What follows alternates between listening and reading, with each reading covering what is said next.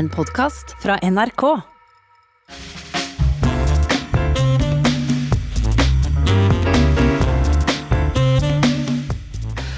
Dagen i dag er på et vis en festdag for alle språkinteresserte, og de er det mange av i dette landet. For i dag gjorde Språkrådet det kjent hva som er kåra til årets nyord på norsk, og valget faller rett og slett på ordet koronaen. Og velkommen i studio, direktør Åse Vetås i Språkrådet. Tusen takk. Det har blomstra friskt med kreative ord i dette pandemiåret, men det lander ikke på spenstige ord som eh, søringkarantene og meteren eller hytteforbud. Når vi kårer årets ord, så lager vi jo ei toppliste, men sjølve årets ord det ønsker vi jo at skal være ikonisk og være essensen av 2020. Og så så vi etter hvert som vi arbeider med dette, at eh, koronaen i bestemte form er mer og mer og mer i bruk for å betegne den tidsperioden vi er inne i. Vi snakker og skriver altså om under koronaen, i koronaen, og vi har heldigvis òg begynt å skrive om hva vi skal gjøre etter koronaen. Og Da ser vi at vi her har et ord som vi for så vidt kjente fra før, men som har blitt fylt med et nytt betydningsinnhold. Altså Det betyr ikke i den bruken lenger bare viruset eller sykdommen. Det betegner hele den situasjonen, hele den tidsalderen vi er inne i nå. Med oss fra Bergen er du, Linda Eide. Ja programleder i Lindas språkshow. Og Eides språkshow. Ei, unnskyld. Ja. Eides... Nei da, det går fint, altså, men bare, jeg er ikke så personlig, altså. I Nei, det er greit, vi skal holde oss til etternavnet her.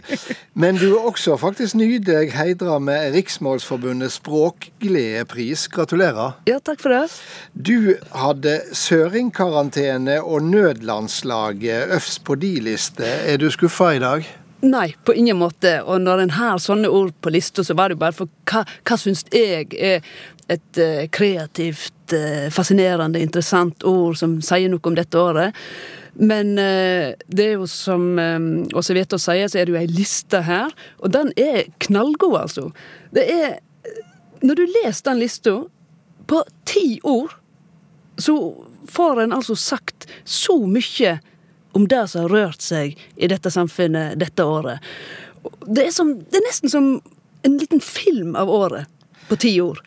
Og da er det jo ikke rart at de som et ansvarlig faglig råd plasserer øverst det ordet som nærmest har vært utgangspunktet for alle disse andre ordene som har kommet på grunn av koronaen, nettopp.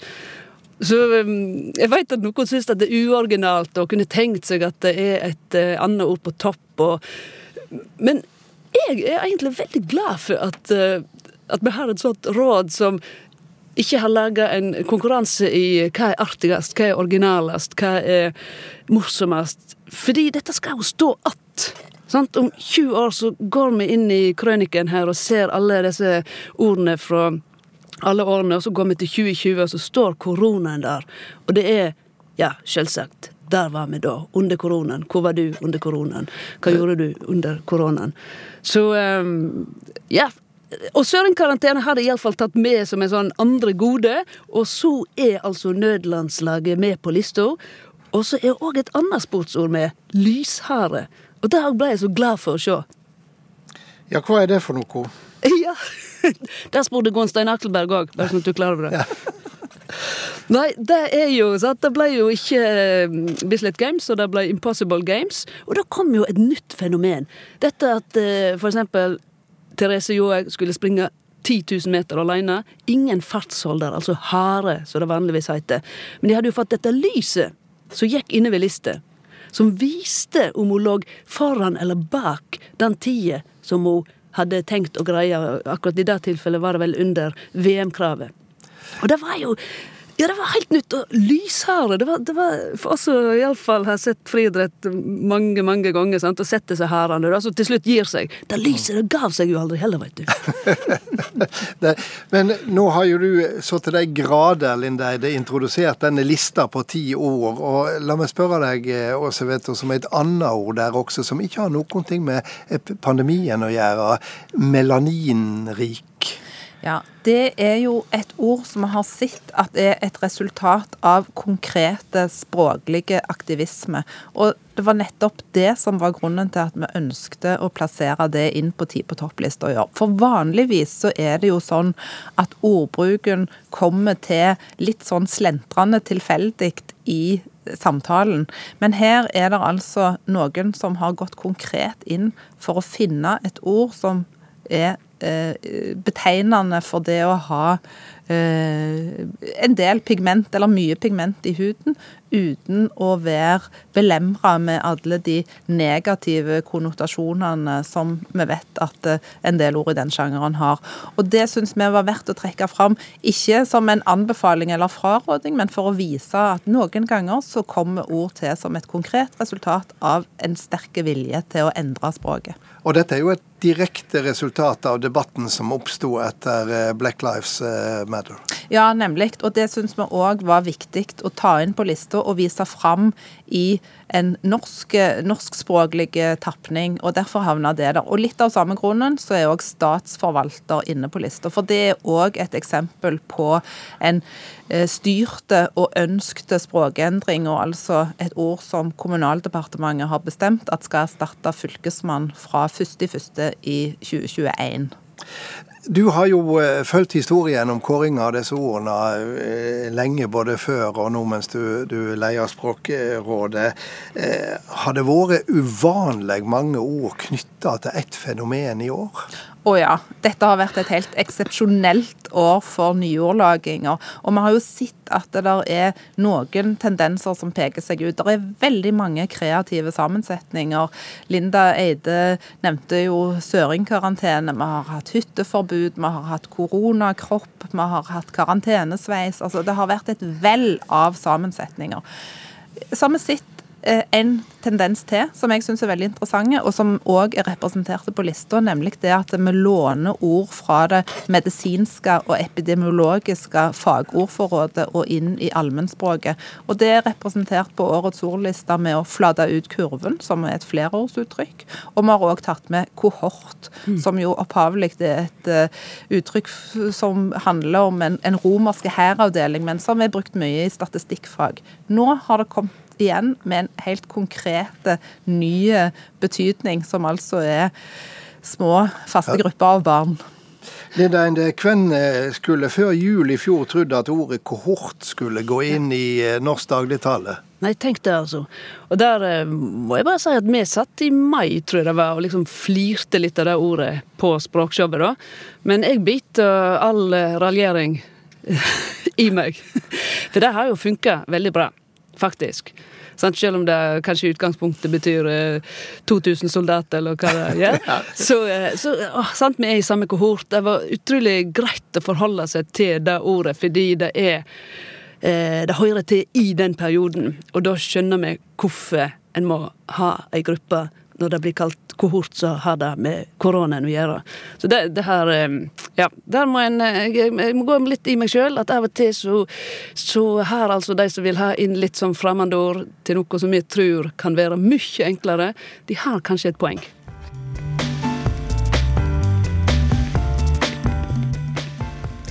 Ja, Linda Eide og Åse Vetås er fremdeles eh, med oss, og temaet er språk. Eh, det vi har sett tydeligere i år enn tidligere, er vel at når verden raskt endrer seg, ja, så eh, følger språket like raskt etter, Linda Eide. Ja, og, og det, det bringer inn òg litt sånn humor, ofte. Og det iallfall, tenkte jeg, under Særlig i vår, da. Da var det kanskje mest sånn optimisme. altså Da var ordene enda mer oppløftende og morsomme kanskje enn når vi kom ut på høsten, og det ble ble mer uh, flatt ut kurver, ja. Og, um, hva, hva, tenker du på da? Vinkjett? ja, nettopp. Vinkjett, ja. Og du fikk sånn uh, klappaksjon og koronarulling og, og, ting som liksom holdes ut Nå skal vi lufte i laget, og du fikk uh, dugnad, og, eller nasjonal dugnad. Ja, sant. Sånne ting så OK, dette her skal gå over, vi må bare stå sammen, og vi finner på litt eh, alternative måter å leve på nå, og så setter vi ord på det. Og det var ganske interessant, altså. Jeg var ute på altanen min og spilte tennis, og da kalte jeg det for karantennis. Syns det var kjempeskøy.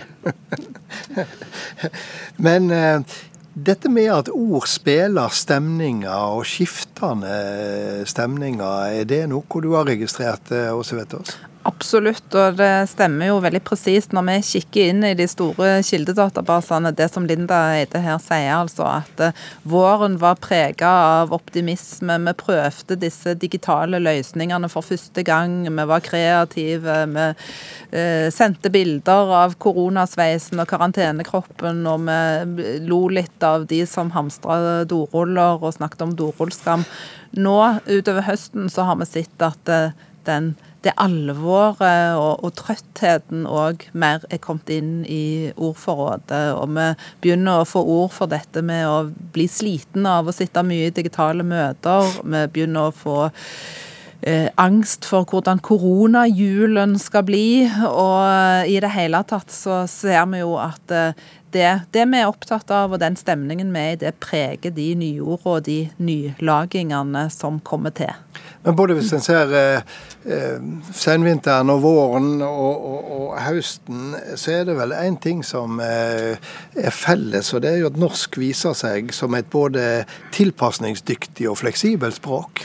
Norsk er et veldig fleksibelt språk på den måten at eh, en når som helst kan sette sammen to ord som en kjente fra før, i helt nye uh, ordkombinasjoner. Et veldig godt eksempel på det fra årets Tid på topplista, det er jo nødlandslaget. Nød og landslag er jo to ord som i utgangspunktet ikke skulle tro at hadde noe med hverandre å gjøre. Det er nesten Men, sånn passord du får når du skal inn i uh, nettbanken. Ja, ikke sant vel? Ikke sant vel? Det har en sånn en klang. Og så er det jo dette at nettopp det nødlandslaget det reiste til Østerrike og spilte en fantastisk god kamp, og derfor kommer det ordet til å bli med oss videre. Og det dukket jo til og med opp i tyskspråklige aviser som Nordelf, og det syns jo jeg er ekstra gøyalt. At eh, en norsk sammensetning da blir oversett. Altså, Nå er jo ikke dette å kåre årets ord, det er jo ikke noe norsk eh, øvelse. det, Og Oxford Dictionaries, som utroper det engelske 'Word of the Year', de har erklært at i 2020 så har det bydd så at året bydd på så mange og gode nyår at de rett og slett har gitt opp å velge ut et ord som kan oppsummere året. Hva syns du om en sånn feighet, Linda Eide? Ja, det er det er for feigt. Det er ikke verdig engelskmenn. Det er jo tøffere enn som så. Nei, for det at uh, Jeg skjønner den her problemstillingen. Noen sier i dag på nyhetene at ah, vi kan ta alle ordene og si at uh, årets nyår er alle koronaordene. Men det Nei, når du sitter der om eh, 10-20 år, altså, så tenker jeg at pff, koronaen i bestemt form, det var litt modig fordi det tross alt ikke eh, lot seg lokke ut i den her eh, morsomme og kreative eh, avdelinga, da. Ja. Men samtidig hadde en det onde. Nei, de engelskmennene de, de, tok jo en gang smilefjes. Det var jo nokså modig som et ord. Mm. Så eh, det var litt rart at de eh, Jeg syns de feiga litt ut der, ja. Ja, de gjorde det, men Eh, også Vetås nevnte nødlandslaget, og de spilte i Østerrike. og En av de mer spesielle kåringene av årets frase, det kom jo nettopp fra det østerriksk-tyske forskningsinstituttet i Wien. For de hadde fanga opp at da terroristen som drap fire og såra 20 mennesker i Østerrikes hovedstad i november, sprang nedover gata, ja, så ble det ropt etter han 'stikk av, din drittsekk', sagt på tysk med en brei Wien-dialekt jeg ikke vil freiste meg på i det hele tatt. Hva syns du om det, Linda Eide? At det ble, det ble årets ord? Årets frase. Årets frase. Ja, den, den var jo et slags understatement, da. Mm. Uh, det sier kanskje litt at språket er makt? Ja. Jeg, den kom litt overraskende. Jeg rakk ikke å tenke helt igjennom den. Nei, men, uh... jeg, skal eh, helt til slutt over til, til det Norge igjen og årets mange nye ord. For i går så sendte en gammel kollega og venn meg følgende hilsing ønsker deg en god jul og et vaksinebringende nyttår. Vaksinebringende nyttår, har du hørt den før, Åse Vetås? Nei, men det som er så interessant, det er at allikevel så skjønner jeg med en gang nøyaktig hva han mener. Og der er jo det norske språket helt vidunderlig. Det får være siste og beste ord i denne språksamtalen. Tusen takk for at det var med Åse Vetås og Linda Eide. Og så runder jeg av med min faste kommentar. Her er denne ukas Stang inn, stang ut. Begrep som sentrum og periferi er de siste åra blitt vitalisert i den politiske debatten. Igjen har distriktspolitikk i alle sine varianter krabba sakte, men sikkert oppover på den politiske dagsorden. Og Denne veka kom et regjeringsoppnevnt utvalg, ledet av tidligere Høyre-statsråd Viktor Normann, med ei sterk grunngjeving for hvorfor det er så naudsynt å videreutvikle en mer aktiv politikk som tar hele landet i bruk, som det så flott heter i disse tider. For forgubbinga av distrikta er et problem, slik Viktor Normann og hans utvalg beskriver den. Han advarer og sier at Norge har 10-20 år på å hindre at distriktskommunene går fra å være citat, et gamlehjem til en kirkegård. Dette er ei advaring til å ta på djupt eh, alvor. Ikke fordi det ligger en sky av pessimisme over Distrikts-Norge, for det gjør det ikke. Snarere ser vi mange steder ei oppvisning i livskraft, pågangsmot og nyskaping. La oss ikke glemme det. Men Normann-utvalget har analysert tall fra 209 kommuner, som dekker hele 74 av det arealet som utgjør Fastlands-Norge, men som bare har 14% av innbyggerne her i kongeriket bosatt hos seg. I mange av disse kommunene ser det mørkt ut framover om ikke politikken blir lagt om. De ser fødselsunderskudd og stigende gjennomsnittsalder inn i Kvitauget, og de ser unge som reiser vekk for ikke å komme attende. Det trengs mer enn et enslig krafttak for å snu denne utviklinga. Det trengs en strategi der politikerne virkelig må ville en snuoperasjon, og de må ville den over tid. Mange har fått med seg at Viktor Normans utvalg vil ha førerkort for 16-åringer, gratis ferje og like gratis barnehage som reiskap i den verktøykassa som trengs for å utvikle disse distriktskommunene. Men slikt er rosiner i pølsa. Viktigere er kanskje forslaget om at kommunene må få beholde mer av verdiene som blir skapt lokalt, spesielt knytt til de enorme naturressursene mange av de forvalter. Dette er en viktig debatt, og den kommer i ei tid som er opptatt av forskjellen mellom folk flest og samfunnseliten. Både den virkelige forskjellen og den påståtte. Men debatten må ikke få karakter av å stakkarsliggjøre Bygde-Norge. Det er det nemlig ingen grunn til. Snarere må den bygge på ei erkjenning av hvor viktig det er med et Norge der det bor folk over hele landet, der dette utgjør det mangfoldet vi liker å tro at vi dyrker. For eh, dette er landet som heilheit, og det er dette som har alt å tjene på at ikke sentraliseringa skyter fart. God helg.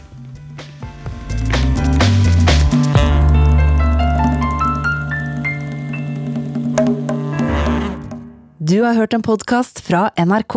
Hør flere podkaster og din NRK-kanal i appen NRK Radio.